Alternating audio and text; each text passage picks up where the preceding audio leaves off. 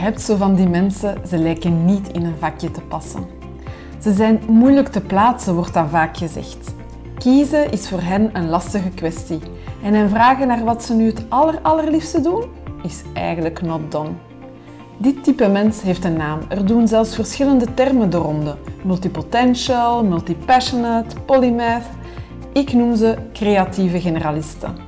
Welkom bij de podcast Tournee Generalist. Hey beste creatieve generalist. Hoewel creatieve generalisten allemaal zullen knikken als je ze vraagt of ze een breed interesseveld hebben en of ze nood aan variatie hebben, zal de manier waarop dat ze die afwisseling het liefste willen of de manier waarop ze die verschillende interesses beleven heel erg verschillen. En om dat wat concreter te maken, heb ik jaren terug types gecreëerd voortbouwend op eerder werk van, van belangrijke pioniers hè, op het vlak van creatief generalist zijn, zoals bijvoorbeeld Barbara Scher of Emily Wapnick. Misschien hebben jullie al van hen gehoord. Nu, die types die ik vandaag met jou ga delen, die zijn niet gebaseerd op uh, wetenschappelijk onderzoek of zo, maar wel op jaren observatie. De types die helpen ons gewoon beter te begrijpen hè, waar de verschillen zitten en vooral ook wat het zegt over onze eigen noden als creatieve generalist. Dus ik neem je mee vandaag in die boeiende wereld van de verschillende types creatieve generalisten. Hier gaan we. Een eerste type is de jongleur. Een jongleur, het is een beetje zoals het woord het zegt, die houdt graag heel veel bordjes aan het draaien. En die heeft echt heel veel afwisseling nodig, ook vaak veel prikkels, maar het liefst tegelijkertijd. Het zijn geen mensen die, aan wie dat je moet vragen om één week lang hetzelfde te doen. Die willen hun afwisseling heel graag binnen dezelfde week of zelfs binnen dezelfde dag. Van alle generalisten hebben zij misschien wel het meeste nood aan afwisseling. En die afwisseling dat kan hem liggen in verschillende type taken doen, verschillende rollen opnemen, werken met verschillende doelgroepen, werken van op verschillende locaties. Dat kan variëren. Die jongleurs die krijgen ook wel eens bezorgde reacties van hun omgeving, genre ja, je bent met te veel bezig. Of ze krijgen de goed bedoelde raad, maar wel, nou, laat ons eerlijk zijn, licht irritante raad. Kies nu toch gewoon iets. Maar die opmerkingen krijg je natuurlijk vooral omdat de mensen die de opmerking geven zelf vaak in die veelheid aan dingen zouden verloren lopen. Lig daar niet wakker van als je jezelf hierin herkent, tenzij je het gevoel hebt dat je in die veelheid verdrinkt natuurlijk. Hè? Want ook een jongleur kan soms het gevoel hebben van oké, het zijn net iets te veel ballen in de lucht en ik, ik ben aan mijn plafond. Een volgend type is de verbinder of de bruggenbouwer. Bij een verbinder ligt de specialisatie vooral in de rol. Een rol die je het allerliefste opneemt en dat is die van connector, linkenlegger of zoals ik daarnet zei, bruggenbouwer. De verbinder dat is meestal de lijm of de brugfiguur tussen verschillende departementen of specialisaties of waarom niet tussen een bedrijf en de buitenwereld. Verbinders die hebben voeling met veel verschillende soorten mensen, zonder daarom echt tot een van die groepen 100% te behoren.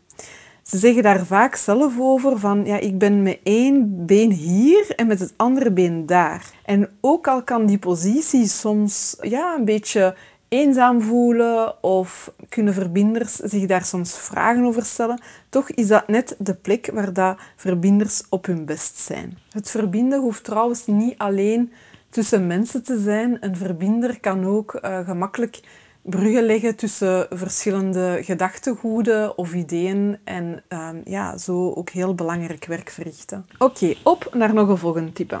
En dat is de projectmatige jongleur. De gewone jongleur hebben we al gehad. Nu, wat is dat projectmatig daar dan in? Wel, dat is ook iemand die heel veel bordjes tegelijkertijd draaiend kan houden en die heel veel afwisseling nodig heeft natuurlijk. En wat dat typisch is aan die projectmatige jongleurs, is dat ze het liefst iets zien evolueren van A tot Z. Zolang dat het einde niet te ver weg in de toekomst ligt. Dus engagementen op heel lange termijn, ja, dat is niet zo hun ding. Ze werken graag projectmatig, omwille van de diversiteit aan taken dat er binnen eenzelfde project kan zijn. Uh, maar ook omdat het een afgeleid engagement is. En eenmaal de taak volbracht is, dan kijken ze al uit naar nieuwe oorden die naar hen zitten te lonken. Trouwens, de lengte, de ideale lengte van zo'n project, dat is heel verschillend. Hè. Dat is van de ene projectmatige jongleur tot de andere. Voor sommigen kan dat een paar weken zijn, anderen spreken over maanden en nog andere um, hebben een aantal jaren als voorkeur. Oké, wat hebben we hier nog? We hebben de undercover generalist. Dat is diegene, zoals het woord het zegt, die soms misschien net niet op een generalist lijkt, maar vergis u niet. Een undercover generalist, trouwens dat wordt ook wel eens seriële specialist genoemd, voor hen is diepte heel belangrijk. Ze kunnen zich helemaal ingraven in een thema of een vakgebied en eigenlijk vaak doen ze dat ook nog vrij snel. Alleen hebben ze, en dan vaak tot de verbazing van anderen, om de zoveel tijd nood aan een, een switch. En soms kan die switch vrij radicaal zijn. Zij beleven dus hun interesses eerder één voor één en zij houden er niet zo van om heel veel dingen te combineren. Meestal benoemen ze dat ook als van, goh, daar zou ik wel stress van krijgen. Maar toch, het zijn ook generalisten, hè, want zij gaan ook voor die, die veelheid, voor dat breed interesseveld en, en die afwisseling, maar gewoon serieel. Undercover generalisten zijn trouwens ook het bewijs hè, dat generalisten ook uh, voor diepgang kunnen gaan en daar ook van kunnen houden. Dan hebben we de chameleon. De chameleon is misschien het minst van al nog in een vakje te stoppen, want die kan zich zowel gedragen als een specialist of als een generalist. Je kan dat eens opzoeken. Ze worden vaak ook neo-generalist genoemd. Of alleszins wat daarin dan verteld wordt of uitgelegd wordt, dat is wat ik dan bedoel met chameleon. Van alle generalisten zijn zij de meest flexibele en ja, op die as diepte versus breedte navigeren zij vlotjes volgens wat er nodig is. Spontaan voelen ze dat ze niet te lang in het ene nog de andere rollen willen zitten, want regelmatig veranderen van perspectief is net wat zij boeiend vinden. Eigenlijk kan je zeggen dat zij het beste van twee werelden uh, combineren, uh, zijn daarom ook wel een zeer gewild profiel op de arbeidsmarkt. Vervolgens hebben we de vrijheidszoeker. Oké, niet moeten. Dat is de grootste drijfveer van een vrijheidszoeker. En ook naar werk gaat hij op die manier kijken. Van zodra dat het een moeten wordt, kunnen ze er zich maar nog moeilijk voor opladen. En als werken dan betekent dat ze kunnen doen wat ze het liefste doen, dan zit het goed. En dat kan op verschillende manieren. Ofwel zorgen ze ervoor dat hun job of hun, business supergoed aanzet bij hun talenten, zodat het eigenlijk helemaal niet aanvoelt als werk. Maar het kan ook zijn dat ze ja, in iets gaan investeren of voor werk kiezen die hen heel veel vrije tijd biedt. Of ze gaan gewoon wat ze niet leuk vinden, gaan uitbesteden. Hoe dan ook, hun goesting doen is hun richtingaanwijzer. Als laatste hebben we een dat je zal kennen van in de winkelrekken. dat is namelijk de Duo Penotti. De Duo Penotti, die is ja, zoals de choco, hè. Die is chocola en vanille. Een Duo Penotti vindt beide smaken even lekker. En de smaken, ja, dat slaat hier natuurlijk op uh, twee passies die ze hebben of twee grote interesses in hun leven. En hoe vaak mensen hen ook proberen te vragen waar dat hun voorkeur nu echt, echt, echt naar uitgaat, ze willen en kunnen niet op die vraag antwoorden. Ze hebben dus twee afgeleide interesses of passies en ze willen ze allebei een evenwaardige plek geven. Voor hen lijkt het ook alsof dat elk van die interesses hen toelaat een andere kant van, van hunzelf te uiten. Want vaak gaat het over twee gebieden die wel redelijk ver uit elkaar liggen. En ik zou zeggen, kijk, als je jezelf hierin herkent, laat je vooral niet dwingen om voor het ene of het andere te kiezen, want jij bent twee in één. Nu vraag je je misschien af, Sylvia, wat ben jij dan?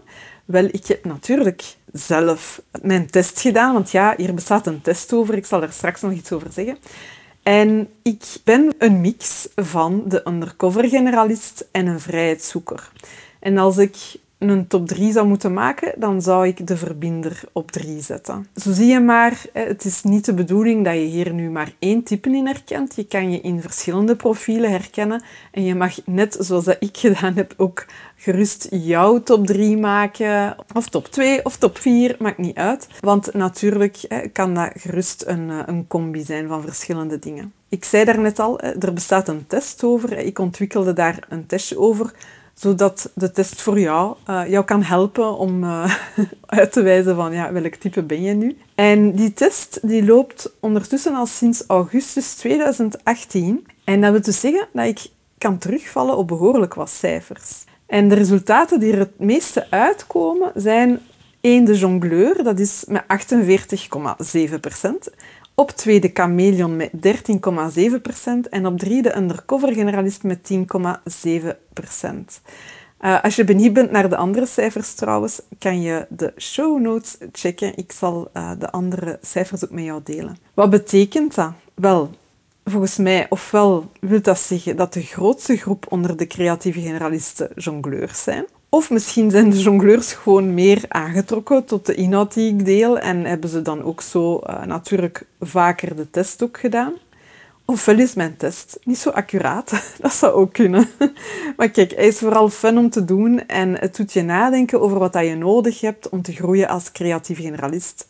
En dat is het allerbelangrijkste. Ben je benieuwd om de test te doen? Check dan de link in de show notes. Je zal zien, hij is heel leuk om te doen. Het duurt niet lang, um, dus het is uh, heel tof. Ik weet ook van verschillende mensen dat ze, dat ze de test al een paar keer gedaan hebben. Dus dat is ook wel leuk om eens te zien of je dan een ander resultaat uitkomt. En wil je veel voorbeelden zien van hoe verschillend creatieve generalisten proberen tegemoet te komen aan hun nood aan afwisseling, dan heb ik ook een super tip voor jou. Want in september houden wij een week van de creatieve generalist.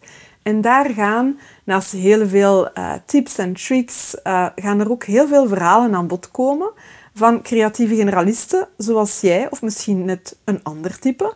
Maar dus heel veel ja, concrete voorbeelden uh, van hoe mensen het in hun eigen veelzijdige leven hebben aangepakt.